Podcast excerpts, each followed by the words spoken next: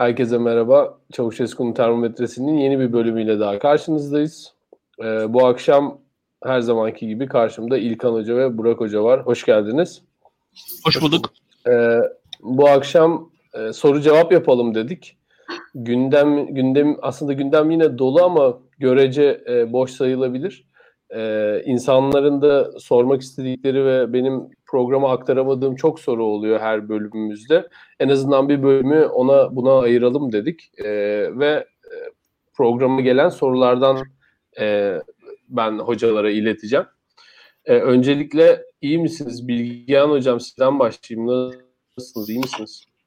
İyiyim. Biraz yorgunuz tabii. Ama iyiyim onun dışında. Teşekkürler.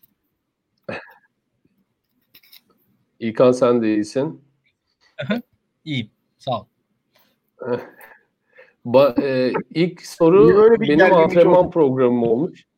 Bilmiyorum. Bilmiyorum siz gerginsiniz. Niye aldıysa. Öyle şey. Ya ben açıkçası Burak'ın fiziğiyle değil fikirleriyle gündeme gelmesini istiyordum ama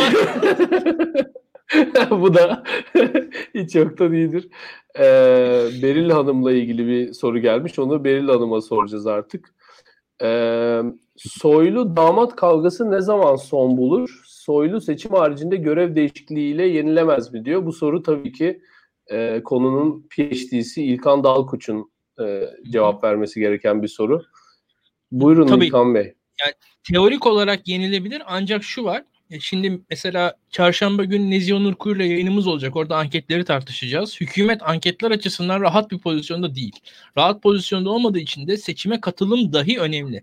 Yani Süleyman Soylu mesela kendisi ayrı bir parti kurmasa dahi AK Partililerin %10'u küsse ve sandığa gitmese AK Parti bundan kırılgan bir parti olarak daha doğrusu kırılgan bir iktidar olarak e, şey Cumhur İttifakı etkilenir. Yani %10'luk bir kitlesinin sandığa gitmemeyi tercih etmesi dahi kırılgan bir hale getirir bu iktidarı. O yüzden e, ben seçim öncesinde soylunun tasfiyesini şu an için e, e, tercih edilir görmüyorum.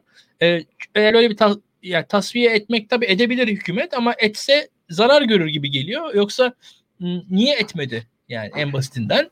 E, bence Tayyip Erdoğan siyaseti benden iyi okuyor. Yani Tayyip Erdoğan 40 yıldır bu işin içerisinde. Tayyip Erdoğan Süleyman Soylu'nun istifasını kabul edebilirdi. Zaten istifa etmişti. Hani görevden alma falan deniyor ya. Yani Süleyman Soylu istifa etmişti. O istifa neden kabul edilmedi? Çünkü Tayyip Erdoğan'ın siyaseti benim kadar okuyor. Bu %10'luk bir kendi seçmen kitlem eğer sandığa gitmezse benim seçimim tehlikeye girer diye düşünüyor. Okey. Ee, herhalde tatmin edici olmuştur. Bilgehan Hocam eklemek istediğim bir şey yok herhalde. Mikrofonun kapalı olduğundan bunu anlıyorum. Ee, Fenerbahçe şampiyon olacak mı diyor birisi. Ee, var mı cevabı olan? Benim yok. Bilmiyorum. Ya Şimdi şöyle bir şey var. Ee, bunu söylemek söylemem lazım. Şimdi beni biliyorlar Fenerbahçeliyim ben. Şimdi bir yandan da Twitter'da doğru düzgün bir e, profilim olduğu için yani işte küfür etmiyorum, e, entelektüel paylaşımlarda bulunmaya çalışıyorum. Genelde analiz yapıyorum. İşte yabancılardan enteresan şeyleri RT'liyorum bol bol. E, fakat bunun yanında da Fenerbahçe'ye dair tweetleri favlıyorum arada. Tabii te- çok tepki geliyor ondan dolayı. o yüzden kendimi sansürlemem gerekiyor. Bakalım bu konular tehlikeli konular o yüzden. Öyle söyleyeyim. Peki e, devam ediyorum. Türkiye'de Avrasyacı darbe ihtimali var mı demiş birisi. Hadi bakalım. Ya, Avrasyacı Kim darbe. cevap vermek. Avrasyacı ekibin darbe yapması ihtimali. Ee, yani e, yok. Ee, bildiğimiz klasik anlamda bir darbe ihtimali yok. Ee, çünkü Avrasyacıların iktidarı etki edebilmek için e, darbenin dışında daha yaratıcı e, enstrümanları var artık. Ee, bence önümüzdeki dönem Avrasyacıların sistem üzerinde etkili olma mekanizması Türkiye ve Çin arasındaki iktisadi ilişkiler olacak. Bu iktisadi ilişkiler geliştikçe Avrasyacılar toplumdaki karşılıklarına bakılmaksızın sistem üzerinde etkili hale gelecekler.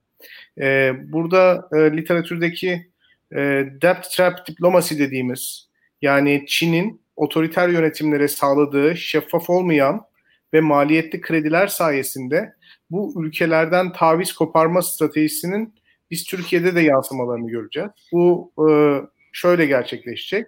e, batılı kurumlardan aldığınız kredi bazı şartlara bağlı. Şeffaf bir şekilde harcama yapmanız gerekiyor ve harcamanızı belli kurallara bağlamanız gerekiyor. Yani bankadan aldığınız kredi gibi aslında. E, o krediyi ne için kullanacağınızı göstermeniz gerekiyor. E, dolayısıyla batılı kurumlar verdiği paranın hesabını sordukları gibi bu paranın nasıl harcanacağına da müdahale eden kurumlar açıkçası. E, o yüzden sistemde bir reform talep ediyorlar. Yapısal düzenlemeler talep ediyorlar ve bu yapısal düzenlemeler, bu reform çağrıları açıkçası merkezi hükümetin e, elini kolunu bağlayan e, uygulamalar haline gelebilir. Yani ondan güç paylaşmasını talep edebilirler. Daha şeffaf olmasını talep edebilirler. Bunu ben Türkiye'deki hükümetin artık tercih etmeyeceği kanaatindeyim. Böyle bir ekonomik model e, arzusu içerisinde oldukları kanaatinde değilim. Yani gücünü paylaştıkları fakat Türkiye'nin zenginleştiği bir ülkeyi tercih etmeyecekler. Bunun yerine Türkiye'nin fakirleştiği fakat buna rağmen güçlerini paylaşmadıkları, kendi refahlarından taviz vermedikleri, yani hükümet içindeki makinanın o makinayı oluşturan bireylerin kendi refahlarından taviz vermedikleri, güçlerinden taviz vermedikleri bir sistem tercih edeceklerini düşünüyorum. Burada da Çin çok önemli bir aktör. Tabii Çin'in Türk ekonomisi üzerindeki etkisi arttıkça ve Türkiye'deki siyasi elitin hayatta kalma durumuna e, etkisi arttıkça, buna katkısı arttıkça Türkiye'deki Avrasyacı ekip bence e, daha da fazla etkili olacak e, karar alma süreçleri üzerinde. Biz geçtiğimiz 5 sene içerisinde Rus yanlısı insanların milliyetçiliği kullanarak, Türkiye'deki milliyetçi hassasiyetleri kullanarak nasıl siyaset üzerinde etkili olduğunu gördük. Burada Rusya tek kuruş para harcamadı, dikkat ederseniz. Türkiye'ye tek kuruş para vermedi. E, hatta Türkiye'den para aldı. S-400'ler karşılığında peşin bir ödeme satın aldı ve önemli ticari anlaşmalar yaptı. E, Rus e, Avrasyacılığının Türkiye'deki stratejisi milliyetçi grupların hassasiyetlerini tahrik ederek Türkiye'yi Orta Doğu'da aktif e, Türkiye'nin Orta Doğu'daki aktivizmini körüklemek ve bu aktivizmin Rusya lehine sonuçlar üretmesini sağlamaktı.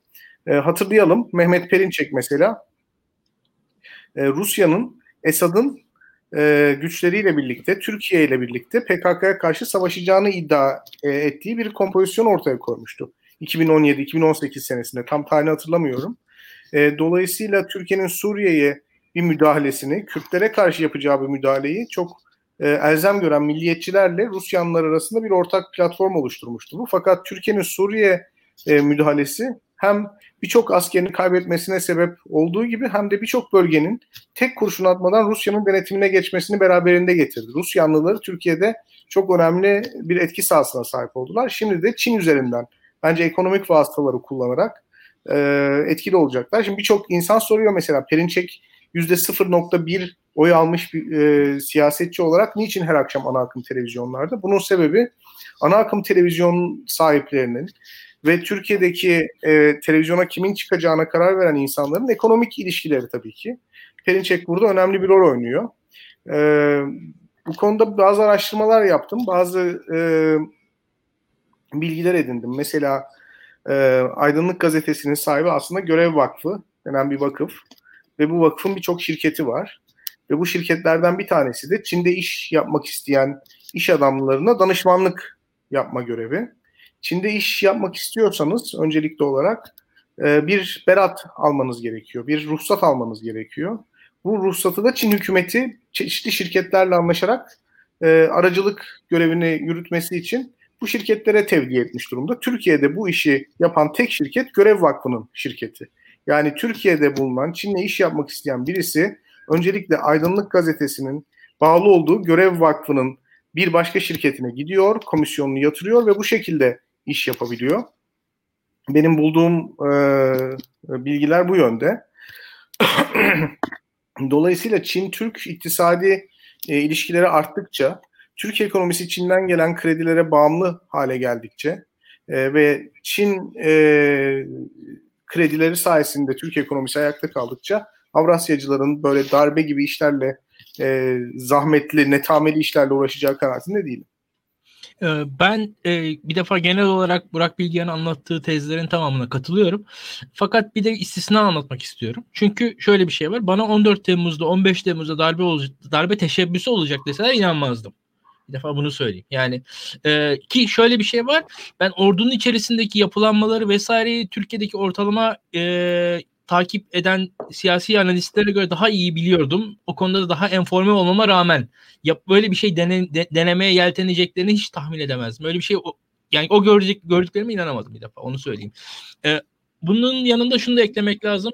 Türkiye'nin e, yurt dışında yaşadığı ya yurt dışında yaşaması muhtemel daha doğrusu e, askeri bir yenilginin beklenmedik sonuçları olabilir diye korkarım her zaman için. E, ve bu şöyle bir şey vardır. Türkiye'de bir darbe teknik olarak nasıl olabilir diye sorarsanız e, belli bir kamuoyu desteği, belli bir dış e, konjonktürün be, beraberce ortaya çıkmasıyla ancak olabiliyor. Yani dış konjonktürle gelmesi ve bunun yanında bir güç ve bir irade oluşması gerekiyor. Bunların da ben nasıl oluşabileceğini kendi kafamda kurguladığım zaman e, bir bir askeri yenilgi sonrasından korkarım. Öyle söyleyeyim ben. Kendi adıma biraz ondan korkuyorum, çekiniyorum. E, bunun dışında tabii ki normal bir süreçte bir darbe vesaire beklemiyorum. Türkiye'nin demokrasisi güçlü zaten. Neticede e, hani 15 Temmuz'da yaşananlar da insanları korkutmuştur diye tahmin ediyorum. Bu darbe yapmaya niyetli olacak insanlardı. E, ama bunlar da akılda olsun. Ee, devam edelim. Ee, Türk ekonomisi hakkında orta uzun vadede iyimser misiniz? Limitleri nereye kadardır? Yüksek gelirli bir ülke olabilir miyiz? Demişler. Ya ben ben buna cevap vermek istiyorum. Sonra size sözü vereceğim. Yani Türk ekonomisiyle ilgili orta uzun vadede ümitli olacak hiçbir şey yok. hiçbir orta uzun vadede düzel çünkü problemin kendisiyle ilgili düzeltilen herhangi bir şey yok. Dolayısıyla değişeceğini gösteren herhangi bir şey de yok. Ee, bunu bazen kendi aramızda konuşuyoruz. İşte kontrollü bir yoksullaşma görüyoruz. Ee, bu da böyle devam edecek. AK Parti gidene kadar AK Parti'den sonra gelenler de eğer yapılması gerekenleri yaparlarsa iş iyi gidebilir. Türkiye şu anda bu e, döviz kuruyla vesaire çok yatırım yapmak için falan çok iyi bir ülke aslında. Yani kurumsal bazı problemlerimizi çözebilirsek Türkiye'ye hem dışarıdan para gelir hem de içerideki yatırımcıdan da çok e, fazla yatırım yapılabilir. İstihdam vesaire problemleri hızlı şekilde çözülebilir aslında. E, yani orta vadede en azından ciddi etkisini görebiliriz. Ama bu şekilde giderse daha kötüye gidecek. Yani çok karmaşık bir e, durum yok aslında. E, ekleyeceği ekleyeceğiniz bir şey varsa buyurunuz. Türkiye'nin ciddi bir tasarruf sorunu var. Bu tasarruf sorununu Türkiye tarihi boyunca yurt dışından karşıladı. Ee, şu anki hükümetle beraber bu tasarrufların maliyeti, yani bu tasarrufun karşılama maliyeti giderek artıyor. Şu anda artacak da gözüküyor bundan sonra da. Türkiye dolara ve borç aldığı dolara daha fazla e, faiz ödüyor sürekli. E, bu açıdan şu aşamada ülkenin ekonomisinde ben de kontrollü bir fakirleşme görüyorum. Yani hükümeti kendi refleksleri üzerinden e, giderken e, şöyle söyleyeyim belli. Ama onun dışında bir çabası olmadığı da belli.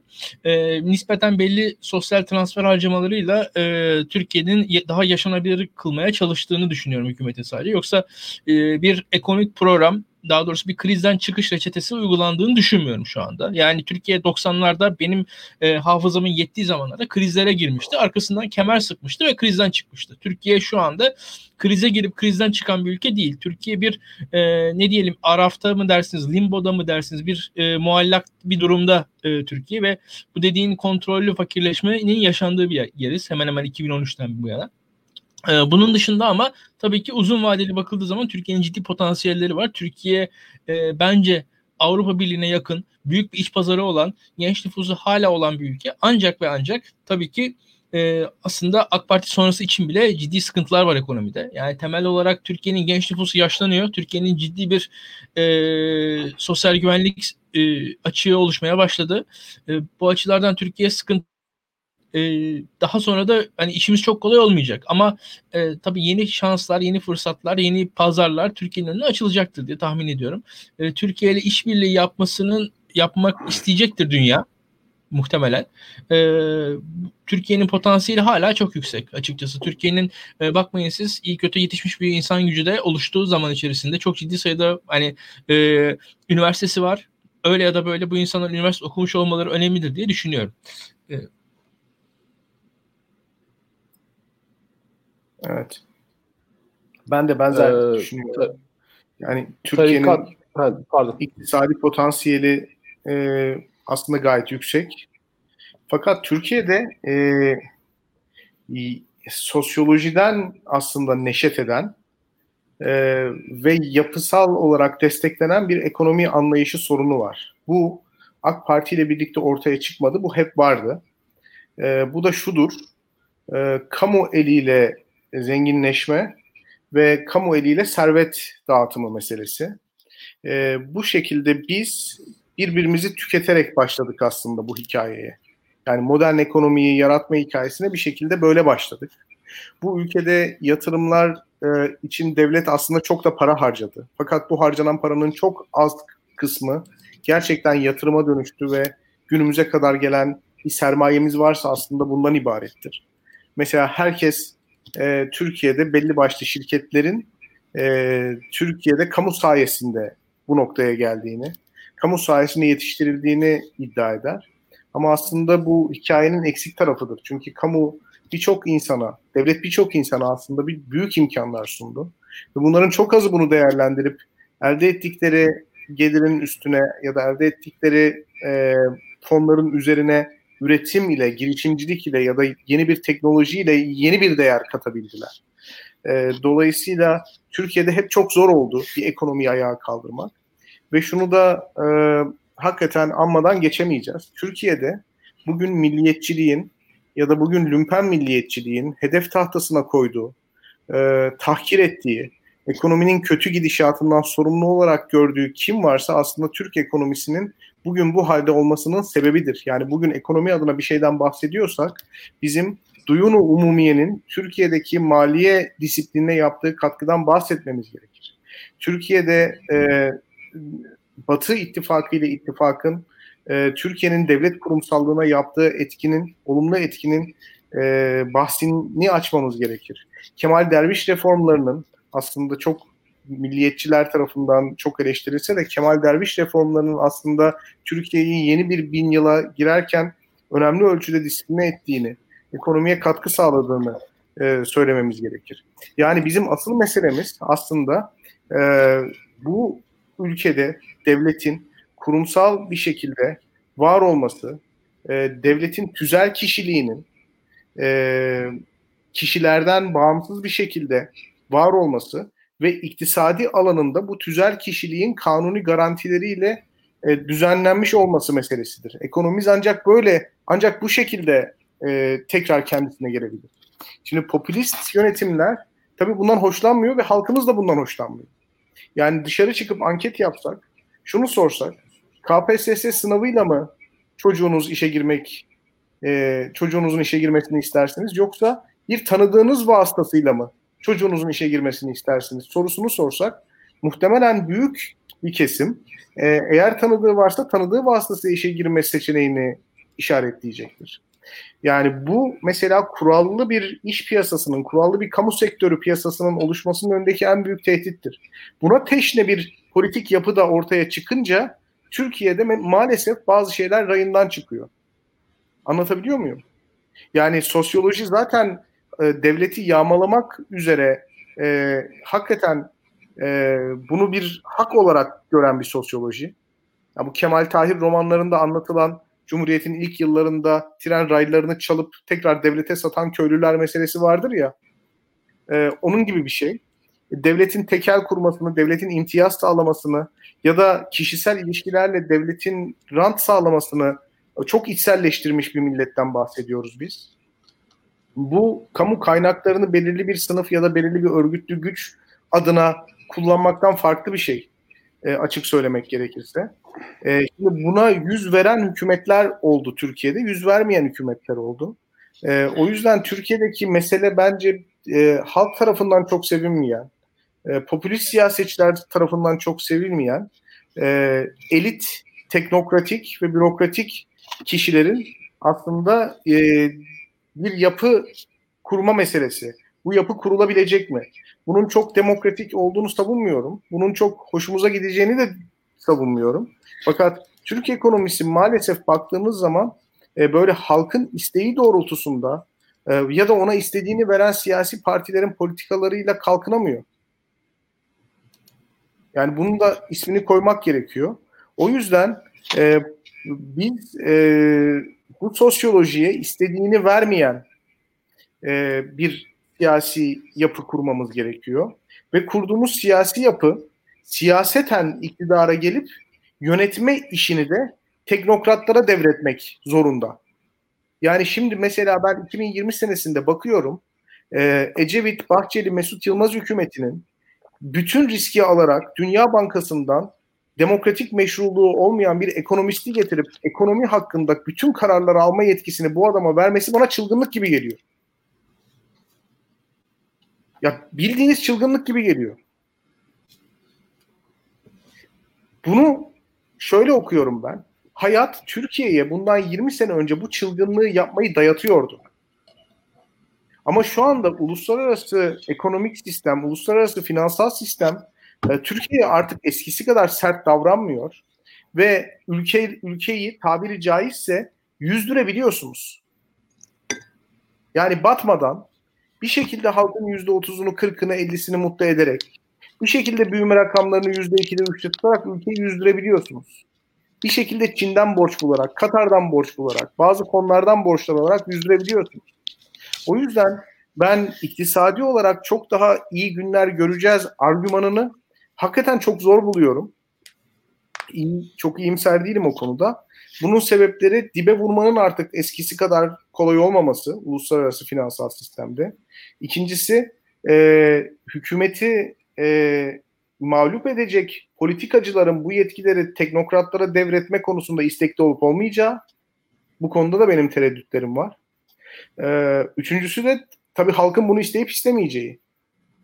Yani ben belediyeye koltuğunun altında dosyayla gidip imar planını değiştirmeye alışkın bir müteahhit profili görüyorum. Ve bundan dolayı ucuz ev al, alma imkanı doğan halk görüyorum.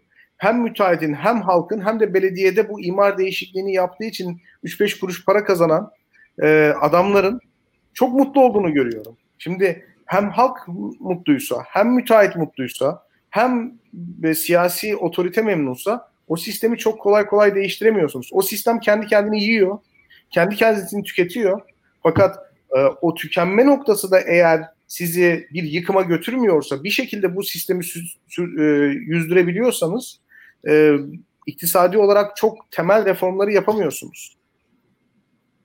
İyimser değilim o yüzden. Peki. Ee, tarikatlarla ilgili bir soru geldi. Tarikatlarla ilgili son zamanlarda patlayan haberleri nasıl yorumluyorsunuz? Biraz enteresan değil mi bu kadar ifşa üst üste? İlkan senden başlayalım. E, bence kesinlikle enteresan. E, diğer sorularla da paralel bir şekilde konuşayım ben e, Burak izninle. E, Türkiye'deki ben e, medya savaşlarını Türkiye'de MIT ile emniyet arasındaki savaşlar olarak görürüm. Yani medyanın hani habercilik bağlamında yaptığı savaşlar genelde öyledir. MIT birisine bir dosya verir, emniyet diğerine dosya verir. Türkiye'de de büyük haberleri böyle patlatır. Zaten esasında devletten siz e, bir şekilde enformasyon olmadan gazeteci olarak kolay kolay da bir araştırmacı bir habere ulaşamazsınız. Araştırma O veya çok aşırı uzun süren bir çaba gerektirir. Gerçek bir habere yani ulaşabilmeniz için hani açık kaynaklar haricindeki bir habere ulaşmanız. Açık kaynaklar ötesindeki haberler içinse devletin güvenlik kurumları aslında basını besler. Bir defa e, bunu bildiğiniz zaman e, normalin ötesinde, normalin dışında bir haber e, ortaya çıkış e, hızı ve e, yoğunluğu varsa ben e, tecrübeli bir medya izleyicisi olarak çekinirim. E, tecrübeli bir medya izleyicisi olarak hafif biraz kenardan izlemeye başlarım. Öyle söyleyeyim Burak. E, ve buradaki olayda da e, benim e, ben biraz rahatsız oldum. Yani tabii ki haberin içeriği veya veyahut da işte oradaki fail, mağdur vesaire bunlara dair bir kafamda bir e, en ufak e, şüphe yok. Yani o açılardan muhtemelen izleyicilerle aynı görüşteyim ama bu haberlerin bugün çıkmasının arkasında bir şeyler olabileceğine ben de inanıyorum öyle söyleyeyim. Yani e, şöyle ki birincisi devlet içerisindeki e, farklı farklı e, güçlü yapıların birbirleri arasındaki savaşları olabilir bu. Yani en basitinden e, şöyle söyleyeyim ben size. Yani mesela emniyette bir grup güçlüdür. Emniyetteki bir grup o diğer gruptan rahatsızdır ve o diğer gruba dair bir haber ortaya çıkartır. Veyahut da böyle bir haber diğer gruplara karşı bir veyahut üçüncü gruplara karşı bakın bu, bu bunları eziyoruz sonra sizi de ezebiliriz şeklinde bir gözdağı olabilir. açıkçası. E, bunun dışında e, tamamen Türkiye'deki huzur ve güven ortamına dair bir e, rahatsız edici bir en azından e, ortam yaratılabilir. Çünkü çok basit söyleyelim Burak. E, senin de yaşın yeter buna tahmin ediyorum. Avrupa Birliği reformları sırasında ve sonrasında Türkiye'de çok yoğun bir şekilde kapkaç haberleri yapıldı. Türkiye'nin ana gündemi kapkaçtı. Ana haber bültenlerinde sürekli kapkaççılar konuşuluyordu. Herkes kapkaççılardan e, yani te- temel gündemimiz kapkaçtı bizim. Biz böyle kapkaç konuşuyorduk. Kapkaça karşı ne yapabiliriz ben, falan diye. Ben, ben o dönem 2-3 kere gasp edilmeye çalışmıştım Kadıköy'de. Hatırlıyorum. Tabii tabii tabii ya. ya, ya, ya biz ve şu, şu an resmen Türkiye'de Avrupa Birliği reformlarının toplumsal dayanakları o kapkaç haberleriyle yok edildi Türkiye'de. Benim gözümün önünde açıkçası. Açık konuşayım. Ve orada da şey var. Polisin yetkisi yok da denirdi çok güzel bir şekilde. Arkasında evet. nedense kapkaççılarla dost doğru mücadele edilememi. Sonra bir anda da aynı polis, aynı ülke, aynı devlet, aynı millet bir anda kapkaç işi halledildi Türkiye'de. Yani e, şu andan iki adım geriye çekilip bak, baktığımız zaman bu kapkaç meselesinin o kadar da masumane bir habercilik çabası veyahut da sosyal bir hadiseyi basının e, ciddi takip etmesinden ibaret olmadığını düşünüyorum ben. Öyle söyleyeyim. Hani oradaki kapkaç da gerçekti. O haberler de gerçekti. Hani kapkaç yapılmayan birisi de kapkaç yaptılar da onu haber yaptılar demiyorum. Hani o haber doğru ama o doğru haberlerin e, sunuluş tarzı ve oradaki anlatılan dilin sonunda gelen gelinen nokta yani AB reformları polisin elini kolunu bağladı. Bakın polisin eli kolu bağlı biz yakalasak savcılar salıyor. Hatırlıyorsunuz değil mi? Biz yakalıyoruz savcılar salıyor. Yani sürekli o bu ve bu bildi Türkiye'de öyle söyleyeyim. Yani e, şunu söyleyeyim Türkiye'de kapkaç halledilebilir bir meseleydi. Belli bir süre halletmemeyi tercih ettiler bazı insanlar diye düşünüyorum. Öyle söyleyeyim.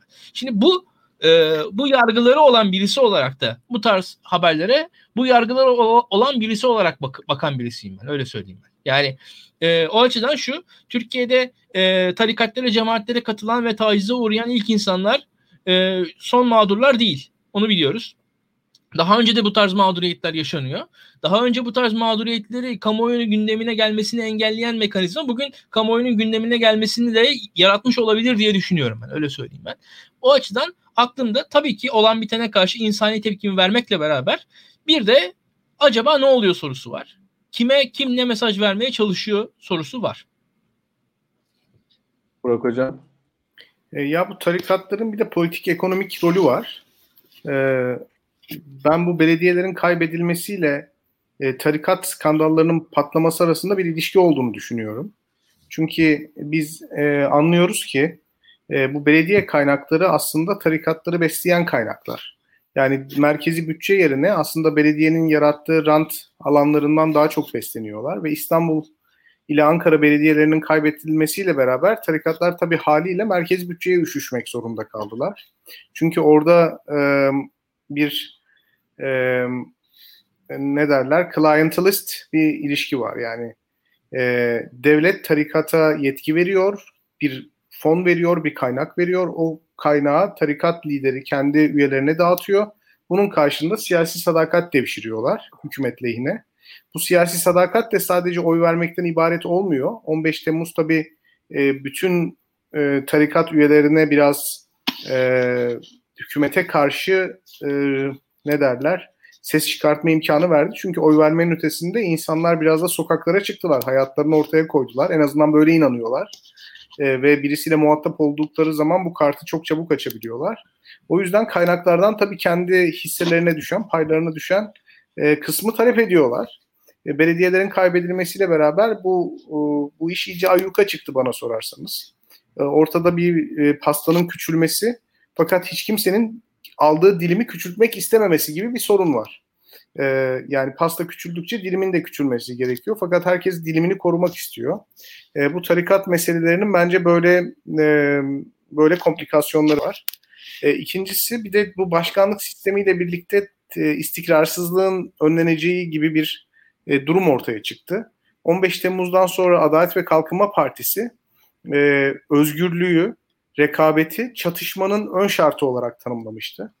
Mesela üniversitelerde rektörlük seçimlerinin kaldırılmasının bahanesi rektör adayları arasında farklı rektör adaylarının çıkması ve bunların üniversite personeli tarafından seçilmesi rektör adayları arasında husumeti körüklüyor bu çatışmayı körüklüyor. Dolayısıyla Sayın Cumhurbaşkanı bunları atamalı gibi bir argümanla çıkmışlardı. Fakat şunu görüyoruz ki e, siyaset e, kaybolmuyor. Yani siyaset başkanlık sistemine geçtiğiniz zaman kaybolmuyor. Siyaset rektör seçimlerini kaldırdığınız zaman kaybolmuyor. Siyaset e, işte e, anayasal düzenlemeleri yaptığınız zaman kaybolmuyor. Siyaset devam ediyor fakat daha görünmez hale geliyor. Şimdi liberal demokrasiler siyasetin, krizin, çatışmanın varlığını kabul eder ve bunu ifşa etmek için, kamuoyunun oyu önüne taşımak için ve bu çatışmaların çözüm çözümlenmesi için meşru kanallar sağlamak için seferber olmuştur. Liberal demokrasinin amacı budur. Bu şekilde çatışma çözülür. Siyaset bu şekilde olumlu bir e, çıktı üretebilir. Fakat Adalet ve Kalkınma Partisi başkanlık sistemiyle birlikte çatışmaları da önleyecek, çatışmaların yaratabileceği yıkımı da önleyebilecek bir projeyle ortaya geldi. Fakat siyaset bitmedi. Siyaset halen devam ediyor. Tek fark siyaseti artık biz kamuoyu önünde şeffaf bir şekilde ya da meşru kanallar üzerinden e, yapılırken görmüyoruz. Siyaseti biz hurufiler gibi e, modern dönem hurufisi mesela İlkan Dalkuç. Niye hurufi diyorum? Çünkü Müge Anlı'nın bir programını izleyip oradan bir çıkarım yapıyor. Bunun sebebi yani bunun sorumlusu e, İlkan Dalkuç değil. Bunun sorumlusu sistemin ancak bu şekilde bir metot dayatması insanlara. Yani Türkiye'yi okumak istiyorsanız siz açık metinler üzerinden, siz e, açık beyanatlar üzerinden bir Türkiye okuması yapamazsınız. Türkiye'yi okumak istiyorsanız siz bu sistemin artık iyice içine kapandığını, meşru kanalları ve şeffaf platformları ortadan kaldırdığını fakat içinde siyaseti halen daha barındırdığını, krizi halen daha barındırdığını, dost düşman ayrımını halen daha barındırdığını kabul edeceksiniz. Bunların kendisini faş ettiği e, alanlara odaklanarak bir okuma yapacaksınız. Düşünebiliyor musunuz? Türkiye'de bir sabah kadın programı, bir reality show bizim hükümet içerisindeki ayrışmaları analiz etmemiz için çok önemli bir e, yöntem haline geldi. Yani Müge Anlı'nın ciddiye aldığı ve almadığı kadın cinayetleri üzerinden biz bir siyaset okuması yapıyoruz. Bunun sebebi bana sorarsanız siyasetin iyice içine kapanmış olması. Bu tarikat meselesi de bu bakımdan çok enteresan. Tarikatların ne kadar yozlaşmış olduğunu bugün Anadolu'da herkes bilir. Oturun bir kahvehaneye, e, tarikat geçmişi olan herhangi birisiyle konuştuğunuz zaman size birçok skandaldan bahsedecektir. Çok ciddiyim burada. Ee, eğer tarikatın dışına çıkmışsa birçok skandaldan bahsedecektir. Bunlar bilinen şeylerdir. Ortalama bir gazeteci herhangi bir tarikatın üstüne gittiği zaman orada ya bir yolsuzluk bulabilir, ya bir skandal bulabilir, ya bir taciz hadisesi bulabilir, bir şeyler bulur. Hiçbir şey bulamazsa belediyeden e, kaçak bir e, yurt binası katı bulabilir. Hiçbir şey bulamazsa bunu bulur. Öyle söyleyeyim. E, bu tarikatlara yapılan bağışlar makbussuzdur. Hiçbir şey bulunamazsa bunlar bulunur. E, yani tarikatların yozlaşmış olduğu gerçeği given bir şeydir. Yani bu o, orada bir kaynak yok. Bizi şok etmemeli. Fakat hangi tarikatın seçerek yozlaştığını kamuya açıklıyorsanız bu sizin politik tavrınızı ortaya koyan bir şey. Şimdi e, bir defa Burak Bilgehan'ın analizlerine tamamen katılmakla birlikte bir şeyler daha ekleyeyim. Yani biz mesela 12 Nisan pazar gecesi ya ben ve tüm AK Partililer, tüm AK Partili gazetecilerin benle beraber Süleyman Soylu'nun istifasına da attıkları tweetlerin saatlerine saatlerini kontrol ettik. Hangi saatte Süleyman Soylu'ya sahip çıkıp çıkmadıkları, hangi ileri saatte sahip çıkanların aslında Süleyman Soylu karşıtı, erken saatte sahip çıkanların ise samimi Süleyman Soylucu olduklarını öğrendik kontrol ettik açıkçası. Ee, Türkiye'de hani, siyaset böyle okunuyor. Ee, bunun arkasından bir şey daha ekleyeyim. Bu üniversite meselesi, rektörlük seçimleri meselesi bence çok önemli. Çünkü e, mesela Tayyip Erdoğan açısından Boğaziçi Üniversitesi'ne kendi fikrine en yakın Boğaziçi'nden bulabildiği kişiyi rektör atamak e, yapılabilir bir şey. E, zaten Boğaziçi'nde mesela genel e, oradaki akademisyen kadrosu açısı, arasında azınlık olmasına rağmen orada kendisine en yakın, orada pek de demokratik olmayan bir tercihte zaten bulunuyordu, bulunabilirdi. Bunda Tayyip Erdoğan açısından bir sıkıntı yoktu. Ancak asıl sıkıntı e, akademisyen kadrosunun büyük büyük çoğunluğunun kendisine yakın olduğu üniversitelerde kendisine yakın akademisyenlerin birbirine girmesiydi. Ya bu yüzden Türkiye'de rektörlük seçimleri kaldırıldı. Bunu bilmek lazım. Yani yani Türkiye'de rektörlük seçimleri e, Türkiye'deki en, en iyi bilinen, en seküler bilinen büyük şehirlerdeki ünlü üniversitelerimize rektör rektörleri Tayyip Erdoğan rahatlatılsın diye kaldırılmadı. Bunun yerine Taşra'daki nispeten en muhafazakar yerlerde muhafazakar akademisyenlerin birbirine girmesinin engellenmesi için Türkiye'de rektörlük seçimleri kaldırıldı. Doğru. Acı bir şeydir Doğru. ama durum bu. Hani izley izleyiciler muhtemelen bunu bilmiyor olabilirler. Ee, bu açıdan hani burada bahsetmiş olalım. Okey. Um, devam ediyorum. TGRT Haber'de Mansur Yavaş'la ilgili haberler dair ne düşünüyorsunuz diyor. Hangi haberler bilmiyorum. Ama şey şundan şey yapalım. Şu ekrandaki sorudan devam edelim. Entelektüel siyasetçi ilişkisi hakkında ne düşünüyorsunuz? Demokrasilerde entelektüeller siyasetçiler için ayak bağı mıdır yoksa işlevsel bir araç mı? Ya bu karmaşık ee, bir konu. E, çünkü bu bu konuda e, e, nasıl desem e, entelektüelleri hiçbir şekilde tatmin etmek mümkün değil. E, yani siyasetçiye yakın olmak e, ile siyasetçinin entelektüele uzak olması da bence eşit derecede entelektüel tepkisine sebep olan bir şey. E, hatta şunu söyleyeyim, bu bir haset duygusunun da ötesinde bir şey. Mesela kendisinin de siyasetçiye yakın olmasından bir entelektüelin huzursuzluk duyabileceğini düşünüyorum. Yani sadece başkasının siyasetçiye yakın olması eleştirilen bir durum değil. Bizzat kendisi bile yakın olduğu zaman bir huzursuzluk duyacağını düşünüyorum. Ee, siyasetin e, kuralları, jargonu, e, gerçekliği entelektüelin aslında değiştirip dönüştürebileceği bir durum değil. E, ve onu değiştiremediğini, dönüştüremediğini gördükçe muhtemelen entelektüel büyük bir e, küskünlük ya da büyük bir karamsarlık içerisine kapılıp kendisini uzaklaştırmaya çalışıyor. E, bu küskünlük ve karamsarlıktan vazgeçme durumu yani siyasetin realitesini kavrama durumu ise onu artık entelektüel yapmıyor olabilir. O krize giriyor. Yani acaba ben gerçekliği kavrayarak ya da gerçeklik üzerinden bir programı inşa ederek sorunlara radikal bir çözüm bulmaktan ziyade mevcut problemleri mevcut imkanlar dahilinde çözme yoluna mı gidiyorum gibi bir kriz yaşayabilir. O da onun entelektüelliğine halel getirebilir. E, o yüzden e, yani bu aslında siyasetçi açısından bir kriz değil, entelektüel açısından bir kriz e, bana sorarsanız. E, bir de ayak bağı mıdır? E, yani siyasetçi entelektüelleri tabii şöyle bir şey, şunu da söylemek gerekir. E, zorladığı zaman entelektüel, yani kendi yanında veya karşısındaki entelektüeller siyasetçiyi zorladığı zaman e, az siyasetçi artık onları entelektüel olarak görmüyor bir siyasi figür olarak görüyor. Onu da söylemem gerekir. Yani barışını da savaşını da ona göre e, yapmaya başlıyor. Ya bugün mesela hükümet etrafındaki entelektüeller e, ya da hükümet karşısındaki entelektüeller hükümet tarafından birer siyasi figür olarak algılanıyor. Entelektüel olarak algılanmıyor.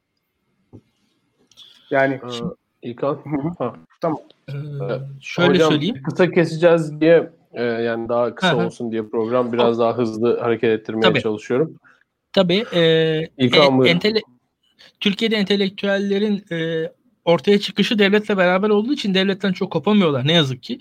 E, bizim e, hem telif kültürümüz hem e, okur yazarlık kültürümüz entelektüellere siyaset dışında alanları ne yazık ki daraltıyor. Bu yüzden Türkiye'nin en entelektüel figürleri iyi kötü siyasetle öyle ya da böyle bağlantılı oldular. Bu Türkiye'deki entelektüellerin seviyesini bence düşürdü.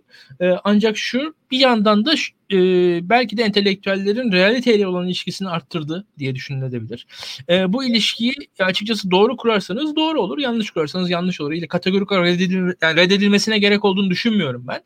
E, ancak şu var, e, siyasetçi entelektüel ilişkisi kesinlikle sorgulanmalı. E, hani şöyle bir durum var e, bulunduğu siyasi kamp üzerinden kendi kişisel e, savaşını başka bir kimlikle, siyasetçi kimliğiyle çözmeye çalışan entelektüeller var Türkiye'de. Öyle söyleyelim. Yani devlette bir meselesi var. arkasından bir kanadı destekliyor ve onunla beraber devletle olan meselesini çözmeye çalışıyor. Bunun sonu genelde hayal kırıklığı oluyor. Ee, daha gerçekçi bakması lazım. Entelektüelin de kişisel yenilgilerini, kişisel mağduriyetlerini, kişisel e, ne diyelim hakikaten de ciddi mağduriyetler. Yani işkence görmüştür adam vesaire. Ama ne olursa olsun bunların çözüm yolu e, hani entelektüel olarak bunun çözümü siyasetçi ile kurduğu ittifaktan doğrudan geçmemelidir diye düşünüyorum. Kişiselliğini olabildiğince entelektüel bu ilişkide geriye çekebildikçe e, bu ilişki daha sağlıklı olur. Ancak kişisel olarak diyelim bundan 3 yıl önce işten atıldım. Bundan 5 yıl önce işkence gördüm. İşte şuraya atanamadım diye o hınçla entelektüel siyasetçi ilişkisi o hınçla kurulursa yani o entelektüelin o geçmiş e, mutsuzluğunun hıncını almak için o ilişki kurulmuşsa hastalıklı bir şey ortaya çıkıyor diye düşünüyorum ve Türkiye'deki siyaseti de hatta e, o entelektüellerin dili kötü etkiliyor. Buradan yani e, çok açık konuşmadım belki ama herkes anladı gibi geliyor bana. Çok doğru. Çok doğru söylüyorsun. Çok doğru söylüyorsun ee, çünkü yani şöyle bir durum var. Ee, yani aslında e, e, entelektüel dediğimiz adamın siyaset kurumuyla ilişkisi bir hayret etme duygusu barındırmalı içinde. Hı hı. Yani e, şöyle bir şey. E, yani siyasi figürlere karşı bir devamlı hayret etme duygusunu için içinde e, muhafaza etmeli. Bu e, siyasetçiyi bir kukla gibi gören veya bir e, heyyula gibi gören entelektüel e, psikolojisinin dışında bir şey. Çünkü siyasetçiyi analiz etmeyi, ona şaşırmayı, ona hayret etmeyi bırakıp artık ona kör bir imanla bağlanıp desteklemeyi veya nefret etmeyi öğütler bir hale geliyorsunuz. Yani İlkan'ın bahsettiği o kişisel tecrübelerinizin ya da kişisel intikam hırslarınızın size verebileceği en kötü şey bu. Yani kendi kişisel entelektüel maceranızın içerisine siyasetçileri çağırmak, nefretinizi ya da sevginizi boca etmek ve kendi hayret duygunuzu, kendi merak duygunuzu, kendi tanımlama, açıklama isteğinizi buna feda etmek. Yani ben bunun demokrasiye de bir katkısı olacağı kanaatinde değilim. Siyaset kurumuna da bir katkısı olacağı kanaatinde değilim. Ve e, bu hafta eğer soru cevap programı yapmasaydık aslında büyük bütün programı üzerine konuşarak harcayacağımız meseleyle ilgili bir soru gelmiş. Meral Akşener'in kurultay konuşmasını değerlendirebilir miyiz demiş Arda Avcı. Bilgehan evet. Hocam e, senden senden yorum alalım. Başlayalım. Ee, kurultay konuşmasının e, tek başına değerlendirilmemesi gerektiğini ve e, Akşener'in önceki kurultay konuşmalarıyla mukayese edilmesini e, edilmesi gerektiğini düşünüyorum. E, bu şekilde baktığım zaman ben e, ideolojik tonun düştüğü kanaatindeyim. Yani İyi Parti'nin ideolojik tonunun e, azaltıldığı kanaatindeyim. E, bu parti çok kolay kurulmadı. Onu söylemem gerekiyor ve 18 yıllık hikayemiz içerisinde siyaseten ana sütun partilerden koparak yeni bir parti kurma ve bu partiyi de %10 barajının üzerine ya da %10 barajının etrafına taşıma becerisini gösteren tek parti İYİ Parti. Bunu söylememiz lazım. Ve bu parti büyük taarruzlar altında kuruldu. Ee, kuruluşunun e, asıl e, anti aktörü diyelim. Milliyetçi Hareket Partisi olması gerekirken Türkiye öyle bir noktaya geldi ki e, Milliyetçi Hareket Partisi sayesinde kurulan güvenlik paradigmasının dışında konumlanmak zorunda kaldı.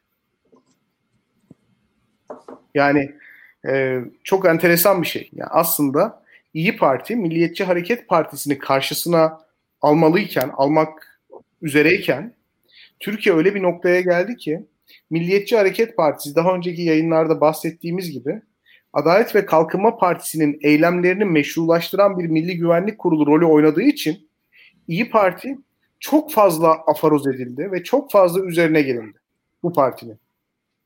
Fethullahçılıkla suçlandı. Ee, büyük bir perdeleme kampanyası e, na maruz kaldı medyada. Anadolu şehirlerinde kriminalize edildiler. Birçok iyi Partili saldırıya uğradı. arkadaşlar. Ve İyi Parti kendisini koruyabilmek için birçok farklı kesimden insanı bünyesine katmak zorunda kaldı. Bu eleştirilere karşı. Yani teminat vere, vermek için. Ee, dolayısıyla e, zor bir mücadele sonucunda bu noktaya gelen, kendisini var eden ve var olma savaşını kazanmış bir partiden bahsediyoruz şu anda. Var olma savaşını kazandı ve bundan bir ay önce e, zannediyorum Ağustos'un ilk haftasında hem Sayın Tayyip Erdoğan hem Sayın Devlet Bahçeli tarafından yerliliği ve milliliği dolayısıyla makbullüğü kabul edilen bir parti olarak ortaya çıktı. Şimdi bu bana sorarsanız bir başarı hikayesidir. Başarılı bir e, siyasi proje olduğunu düşünüyorum. Fakat İyi Parti'nin yüzde on gibi bir e, oyla yetinmesi de mümkün değil. Yani İyi Parti projesinin yüzde on gibi bir oyla e, Milliyetçi Hareket Partisi'nin yedek partisi olarak hayatına devam etmesi de mümkün değil. Kurumsallaşması da mümkün değil. Ve Türk siyasetinin içine düştüğü açmazı da bozacak bir durum değil bu. Yani Cumhur İttifakı'ndan bir teklif alıyor olması, Cumhur İttifakı'nın onu ittifaka katılmaya davet etmesi İyi Parti'nin öyle çok arzu ettiği bir şey değil. Çünkü partinin kurucusu Akşener zaten başbakan yardımcılığını bundan 4-5 sene evvel reddetmiş bir insan. Yani Tuğrul Türkeş'in yerinde Meral Akşener olabilirdi. Hatta şunu da biliyoruz. Siyaseten var olma yeteneği çok yüksek olduğu için Turul Türkeş gibi siyaset sahnesinin dışına da çekilmezdi muhtemelen. Ama bunu reddetmiş bir isim tarafından kuruluyor. Dolayısıyla var olma savaşını kazanmış bir parti. O yüzden bu partinin var olma savaşı o, o, o faz bittikten sonra yeni bir faza geçmeye çalıştığını görüyoruz. Yani kongrenin bana söylediği şey İyi Parti yeni bir faza geçmeye çalışıyor ve yeni bir faza geçerken de ideolojik tonunu düşüren, toplumun farklı kesimlerine çok kuvvetli olmasa da sinyaller göndermeye çalışan, e, Türkiye'deki yönetim sorunlarını konuşmaya hevesli, dış politika meselelerini konuşmaya hevesli, ekonomi meselelerini konuşmaya hevesli, eğitim meselelerini konuşmaya hevesli bir parti kimliğini ortaya çıkartmaya çalışıyor. Yani şu anda Milliyetçi Hareket Partisi yaklaşık 25 senedir tek bir meselenin partisidir. Yani single issue parti dedikleri mesele. Tek bir meselenin partisidir. Milliyetçi Hareket Partisi'nin ekonomi programı hakkında kimsenin bir görüşü yoktur. Kimsenin bir bilgisi de yoktur. Milliyetçi Hareket Partisi'nin dış politika programı, dış politika doktrini nedir? Kimse bunu bilmez. Milliyetçi Hareket Partisi'nin e, eğitim politikası nedir? Sağlık politikası nedir? Milliyetçi Hareket Partisi'nin toplumun diğer kesimleriyle konuşmak için, diyalog kurmak için kafasındaki tasarı nedir? Bunu kimse bilmez. Milliyetçi Hareket Partisi'nin tek bir konusu var. Şimdi İyi Parti'nin MHP'nin yedeği bir parti olmaktan kurtulmak için bence bu kongrede önemli bir şey yaptığını görüyoruz. Partinin ideolojik tonu düşmüş ve tek konu dışındaki diğer konular hakkında da konuşan bir lideri var. Bu çok olumlu bir şey. İki yumruk arasına sıkışmış Kürtler ve Zazalar da İyi Parti'nin kurucularıdır dedi. İyi Parti'yi kimler kurdu tiradı atarken. Bu çok önemli bir şey. Ya farkındaysanız o yumruklardan bir tanesi PKK, bir tanesi de Kürt sorununu sadece güvenlikçi perspektiften algılayan ve sadece güvenlik önlemleriyle çözmeye çalışan hükümet. Burada az bir şey söylenmiyor. Hakikaten az bir şey söylenmiyor. Yani biz bugün Kürt sorunu üzerine e, okuyan, düşünen, yazan birçok insanla devamlı görüşüyoruz. Devamlı bir araya geliyoruz. Bu konuda Türkiye siyasetinde son 20 senede edilmiş çok fantastik laflar var. Çok seksi laflar var hakikaten. Kürtleri cezbedebilir, aydınları cezbedebilir, liberalleri cezbedebilir. Fakat bu cezbedici lafların ne kadar kırılgan olduğunu biz çözüm süreci başlarken ve biterken gördük. Bizim ihtiyacımız olan şey böyle cafcaflı laflarla böyle nasıl söylesem hepimizi hızla cezbeden argümanlara, argümanlarla hareket etmek değil. Yavaş yavaş daha temel konuları hallederek, her şeyin ötesinde daha kurumsal bir devlet yapısı inşa ederek ve müzakere ortamını canlı tutarak başlamak bu işe. Şimdi bunları es geçip bizim hayalimizdeki liberal liderin iyi partiyi yönetmesini de beklememek lazım. O yüzden kendi gerçekliği içerisinde verilen mesajların Kürtlere, ekonomik sıkıntı çeken esnafa, ekonomik sıkıntı çeken sıradan vatandaşa, eğitim hayatında sıkıntı çeken öğrencilere, kimliksel sıkıntı çeken birçok insana e, ulaşma gayreti taşıdığını düşünüyorum. O bakımdan ben kendi içinde, kendi gerçekliği içerisinde yaratıcı bir siyaset yapma hamlesi gördüm İyi Parti'de. Yani herkesin İyi Parti'den beklediği MHP'nin yedeği gibi davranmakken İyi Parti'nin kendi içinde e, bir değişim yaşadığını, bir siyaset yapma gayreti olduğunu düşünüyorum. Bunu da takdir ediyorum. O bakımdan ben bugün Tanju Tosun'un yaptığı merkez sağ isimlerin tasfiye edildiği ve partinin milliyetçi bir hüviyete savrulduğu e, ya da milliyetçi kimliğin pekiştiği argümanına kesinlikle katılmıyorum. Tam tersi olduğunu düşünüyorum. Partinin e, merkez siyasetin gerekliliği olan birçok farklı konuyu konuşabilme, toplumun farklı kesimleriyle müzakere edebilme ve e, bu müzakere ortamını garanti altına alacak kurumsal bir devletin savunusu içerisinde olduğu kanaatindeyim. Son olarak e, bugün e, sevgili Fatih Uçar'la bir çalışma yaptık. Genel, Genel İdare Kurulu'na giren isimlerin e, siyasete nerede başladığı, hangi ideolojik gelenekten geldiği üzerine. Ben isimleri çok bilmediğim için Fatih'ten yardım aldım sağ olsun. Kendisi de bana yardım etti. E, şimdi bizim görebildiğimiz kadarıyla İyi Parti Genel İdare Kurulu'nun 50 üyesinin yaklaşık 30 tanesi siyasete İyi Parti'de başlamış. Ya bu çok ilginç. Hani öyle bir tablo çiziliyor ki 50 Genel İdare Kurulu üyesinin 48 tanesi ülkücü, ülke ocaklarından yetişmiş. Ee, insanmış gibi bir tablo çiziliyor ama böyle bir tablo da yok.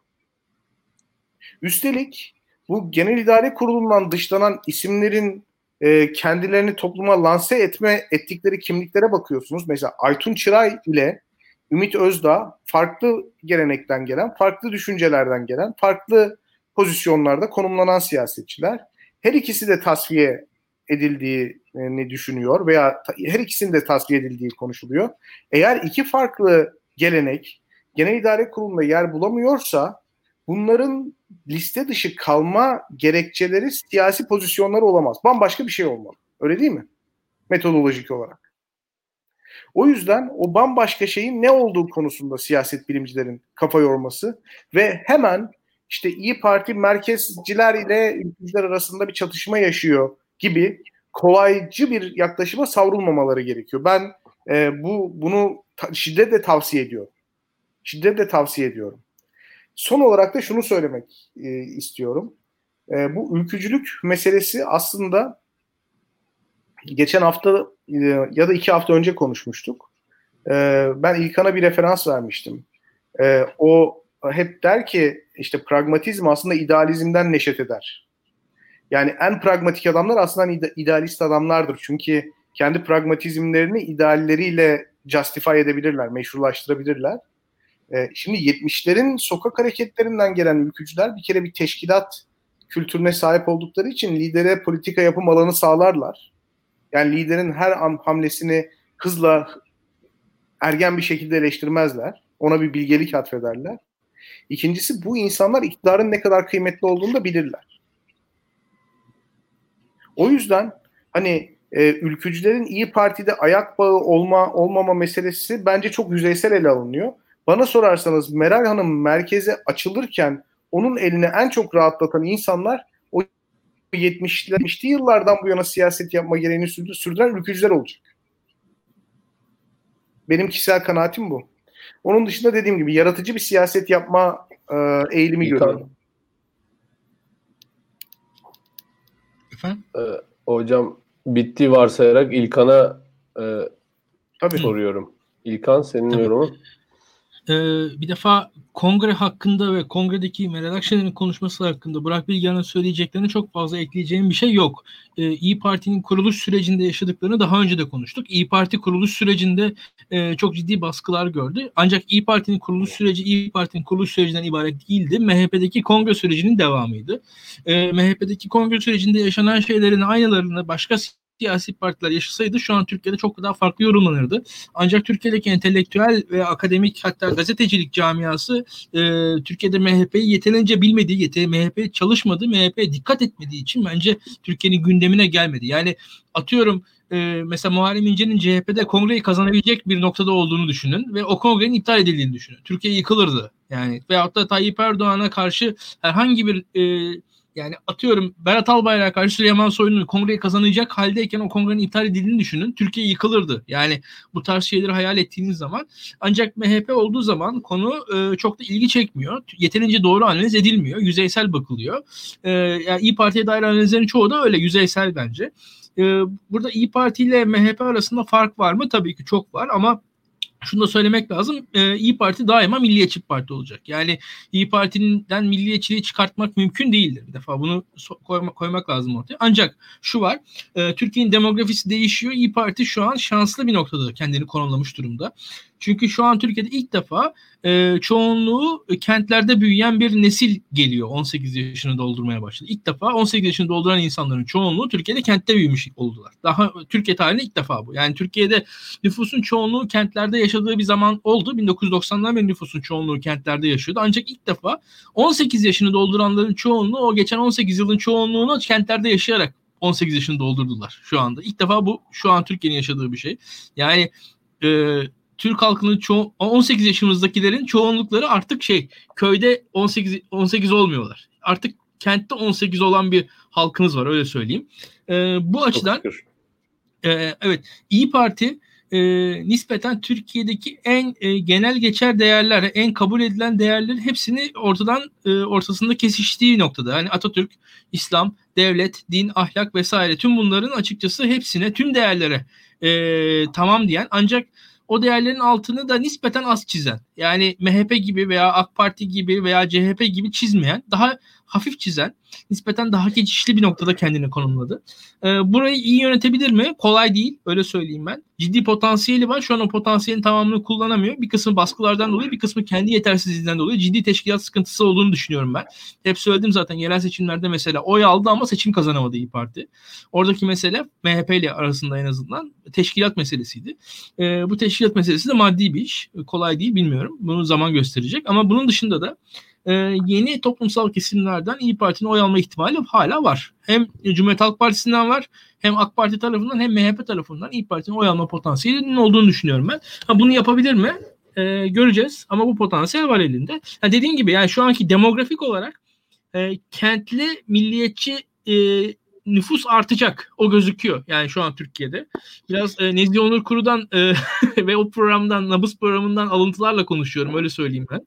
Ama yani İyi Parti kendini aslında iyi bir yere konumladı. Yani İyi Parti seçmeni profilinde insanlar şu an kafanda oturduğu zaman mesela Burak senin kafanda İyi Parti seçmeni şudur dediğin insanlardan bugün ne kadar varsa 5 yıl sonra daha fazla olacak o kesin. Ama İyi Parti bunu değerlendirebilir mi bilmiyorum. Bir de burada bu şehirlikle gelen bir milliyetçilik anlayışı var ki bence çok önemli bir şey. Yani. Bu orta sınıf e, bir ülkenin orta sınıfında olan işte şehirde büyümüş olması dolayısıyla daha mikro e, ilişkiler yerine kendini daha makro ölçekte tanımlayan ve ve bu, bunun çerçevesinde de bir e, milliyetçilik ama böyle işte şövenist bir milliyetçilikten öte ya ben Türk'üm böyle yaşanır, şehirde şöyle davranılır diyen birbirine de ona göre e, davranan e, insanlar oluşuyor yavaş yavaş bu şehirli nüfusla birlikte. E, İyi Parti'nin bu ekibi, bu insanlara e, seslenme bakımından çok büyük şansı olduğunu düşünüyorum. Çünkü MHP milliyetçiliği çok böyle kasabalı bir milliyetçiliğe e, hapsolmak zorunda kalacak gibi duruyor. E, Bugün İlber Hoca'nın röportajı da onu söylüyor. Yani şehirli insanın meselesi çok. Yani evet. kasabalı insanın çok fazla meselesi yok. Ve kasabada e, olan ile olması gereken arasında bir ayrım yok. Yani olan şey zaten olması gerekendir. E, dolayısıyla kasabalının milliyetçilik anlayışı da e, faydacı olmaktan ziyade daha ahlakçı oluyor.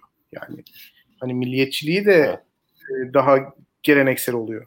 Hani şöyle algılıyor yani kendi aşiretinin, kendi kabilesinin, kendi sülalesinin ötekini üstünlüğü gibi algılıyor. Onu yani böyle, böyle bakıyor hayata. Hı hı. Ee, evet. Çünkü kendisi ahlaki olarak da daha üstün. E, şehirli evet. adam aslında eylemleri neden ve sonuçlarına göre değerlendirdiği için hani faydanın ne olduğu, zararın ne olacağı Hocam sesin bir gitti ama. Ha, o yüzden milliyetçiliğin tek yorumu ha, şu e, milliyetçi, ha, o yüzden milliyetçiliğin tek yorumu Milliyetçi Hareket Partisi'nin yaptığı gibi e, sloganları hapsedilmiş, ahlakileştirilmiş ve kendisi gibi düşünmeyen herkese ahlaki olarak yargılayan bir e, yorumdan öte e, yeniden yapılmalıdır Türkiye'de. Bunu iyi Parti yaparsa ne ala. Başka bir parti yaparsa ne ala. Fakat daha şehirli, daha kapsayıcı, daha özgürlükçü bir milliyetçilik tanımı mutlaka yapılmalı. Mustafa Erdoğan Hoca'nın dediği gibi yani Türkiye'nin kurucu ideolojisi aslında milliyetçiliktir. E, fakat bu milliyetçiliği evet. tek tanıma, tek kültüre, tek söyleme, tek cümle yapısına hapsetmemeliyiz. Yani bunu e, böyle ifade edeyim. Belki belki milliyetçi kendi milliyetçi olarak tanımlayan insanlar vardır bizi izleyen. Ee, bütün bu bugün duyduğunuz milliyetçi isimleri okumadan önce lütfen e, Yusuf Akçura'nın üç tarzı siyasetini bir okuyun. Yusuf Akçura'nın orada milliyetçilik diye ortaya koyduğu, Türkçülük diye ortaya koyduğu şeyin aslında Osmanlı'nın elinde kalan e, son e, şey olduğu için, son tutunulabilecek dal olduğu için memleketi ayakta tutabilecek son e, sarılınabilecek dal olduğu için ona e, döndüğünü, Türkçülüğün e, elde kalan son şey olduğu için aslında ona ona e, onunla ancak bir devlet kurulabileceğini söylediği o üç tarzı siyaseti bir okuyun. Gayet makul bir çerçeve içinde bir, bir, bir şey anlatıyor adam ve hamasetten tamamen uzak çünkü çok gerçekçi olmak zorunda olduğu bir dönemde e, yapılan bir şey. E, hani şairlerden milliyetçiliği öğrenmek yerine bence e, bu tip metinlere e, bakmak e, milliyetçi, kendi milliyetçi olarak tanınan insanlar için de daha doğru olacaktır diye düşünüyorum. Bir de bir şey ee, daha söyleyeyim son kapatmadan önce Burak'cığım. Ee, evet, Devacılar e, hoca iyi Parti'yi överken üzgün demiş. E, Pusat Denili arkadaşımız. E, e MD e, mahlaslı arkadaşımız da hocam Akşenerci olduğunu bu kadar belli etme demiş. E, onu son olarak şunu söyleyeyim. Daktilo 1984'ün e, siyasi pozisyonu e, muhalefet içerisindeki koordinasyonu, uyumu, ittifak eğilimini arttırmak muhalif aktörleri olabildiğince ayakta tutmak e, ve e, mevcut hükümetin içerisinde revizyon çağrısı yapan, şu anda kendi partilerini kurdular. E, siyasi aktörleri de olabildiğince e, desteklemek üzerine kuruludur. E, yani biz herhangi bir muhalif siyasi aktörü diğerine karşı kışkırtmak, onu diğerine karşı baskın kılmak ve muhalif aktörler arasında bir rekabet yaratmak amacıyla yazı yazmıyoruz, yayın yapmıyoruz. Bunu da açık seçik ortaya koyalım. Ben Twitter'da da görüyorum bazen. Bizim için işte sabah uyanıyorlar, e, CHP'liler, öğleden sonra HDP'liler, akşam İyi Partililer falan diyorlar. Ya biz genel, genel itibariyle derdimiz belli, siyasi amacımız da belli. Biz e, Türkiye'nin e, devlet kurumsallığına yeniden dönmesini arzu ediyoruz müzakere ortamının ifade hürriyeti garantileriyle yeniden e, kurulmasını talep ediyoruz. Mülkiyet garantileri talep ediyoruz ve kamu kaynaklarının her şeyden önce keyfi olarak e, özel şahıslardan e, siyaset vasıtasıyla alınıp başka özel şahısların cebine transfer edilmemesini istiyoruz. E, bu şekilde dertlerimiz var ve bunun için herhangi bir siyasi aktörü diğerine karşı desteklemek, yükseltmek, yüceltmek gibi bir gizli ajandamız yok. Daktilo 1984'ün e, temel temel gayesi budur. Bunun dışında da her konuyu da kendi aramızda sürekli tartışıyoruz arkadaşlar. Bunlar dışında da öyle çok uzlaştığımız ama işte biz böyleyiz diye kendimizi tanımadığımız bir mesele yok. Artık Allah aşkına bunu şey yapın. çok şaşırıyorlar zaten bir konuda farklı ya, düşündüğümüz bir... zaman birbirlerine mi girdiler? birbirlerine mi girdiler? Ya bir Aynen olay olduğu zaman biz böyle merkez komitede ayrıca konuşuyoruz. Ha, öyle bir şey yok arkadaşlar. Benim başka fikrim oluyor, onun başka oluyor. Tartışıyoruz, bazen uzlaşıyoruz, bazen ayrılışıyoruz. Öyle ya, gidiyor yani. Ya şu an için Evet. aslında şöyle bir şey var. Hatta e, memleketin şartları bir açıdan yan yana gelmeyi de kolaylaştırıyor. Yani e, biraz da ondan faydalanıyoruz. Belki o kadar da hani kibar, nazik, e, saygılı insanlar değiliz. Bu kadar tatlı insanlar değiliz. Belki daha da çatışırız ama şu var ülke şartları ne yazık ki e, çatışmaları ertelemeyi de e, gerektiriyor diye düşünüyorum ben. E, Evet. Buyur. İlkan pardon. Devam et abi. yani İyi ben Parti bağlamında da. Son, Yani İyi Parti bağlamında da İyi Parti'nin e, tabii eleştirilecek yanları da var. Onları da eleştiriyoruz. E, ve kendi adıma e, hani İyi Parti açısından da yani Türkiye'nin de e, ciddi bir Kürt meselesi var vesaire bunların konuşulması gerekiyor. Konuşulacak zaten. İyi Parti kendisi açısından büyük bir adım atmış olsa da o adımın Kürtler açısından değeri ne kadar? Onu görmek lazım. E, ben şu an için Kürtler açısından çok büyük bir değeri olduğunu öngöremiyorum. Ama şu var.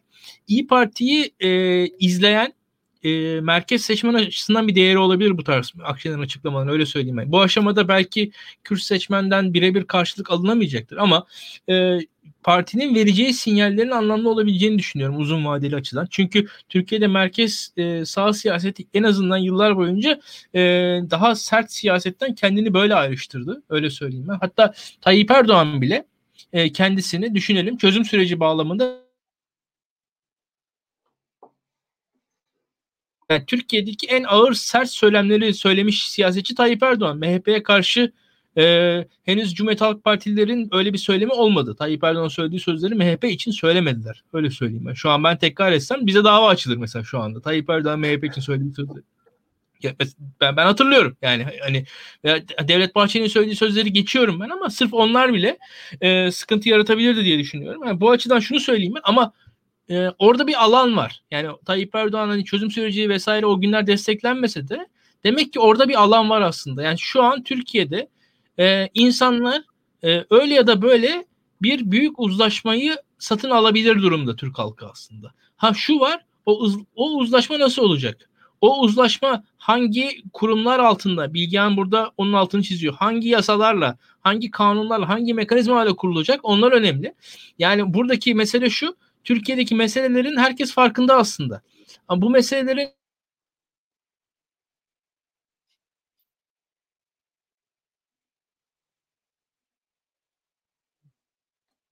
Kesildi galiba. Ha, Burak'cığım. e, evet.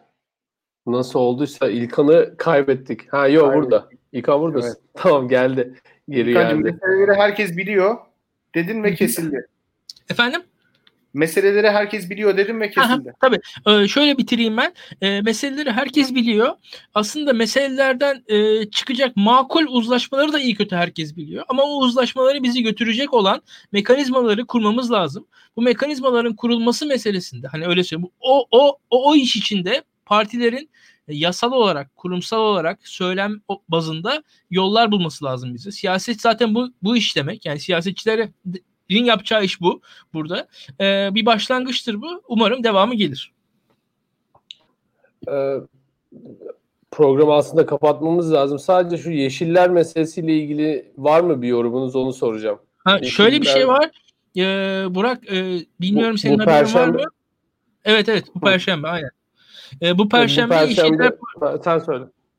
E, bu perşembe Yeşiller Partisi'nin eş sözcüleri Yeşiller Partisi biliyorsun bir kadın bir erkek daha doğrusu en azından e, iki, iki kadın da olabiliyor da yani bir, biri kesin kadın oluyor öyle söyleyeyim. İki eş sözcüsü var.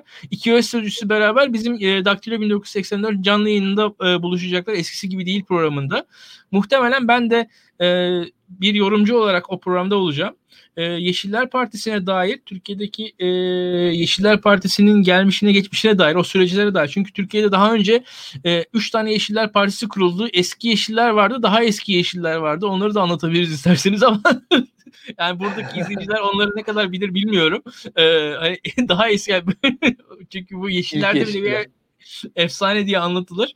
E, şimdi onları da şöyle söyleyeyim ben. Bizim Perşembe günkü yayınımızda e, bekleyelim arkadaşlar. Orada e, daha eğlenceli bir sohbette karşılarında olacağız. Ee, gördüğünüz gibi arkadaşlar yeşiller meselesiyle de ilgili hemen girişimimizi yapmışız ve Perşembe günü e, konuyla ilgili sizi bilgilendirmek için elimizden geleni yapacağız. Ee, sorularınız için teşekkür ederiz. Ee, bizi izlediniz bir saat oldu. Nezih olur kuru hala soru soruyor. En Nezih cevabını bildiğin soruları sorup durma. Ee, herkese iyi akşamlar diliyorum. İlkan ve Burak hocam çok teşekkür ediyorum. Ee, iyi akşamlar. İzleyicilerimize de teşekkür ediyorum. Herkese iyi akşamlar. Görüşmek üzere.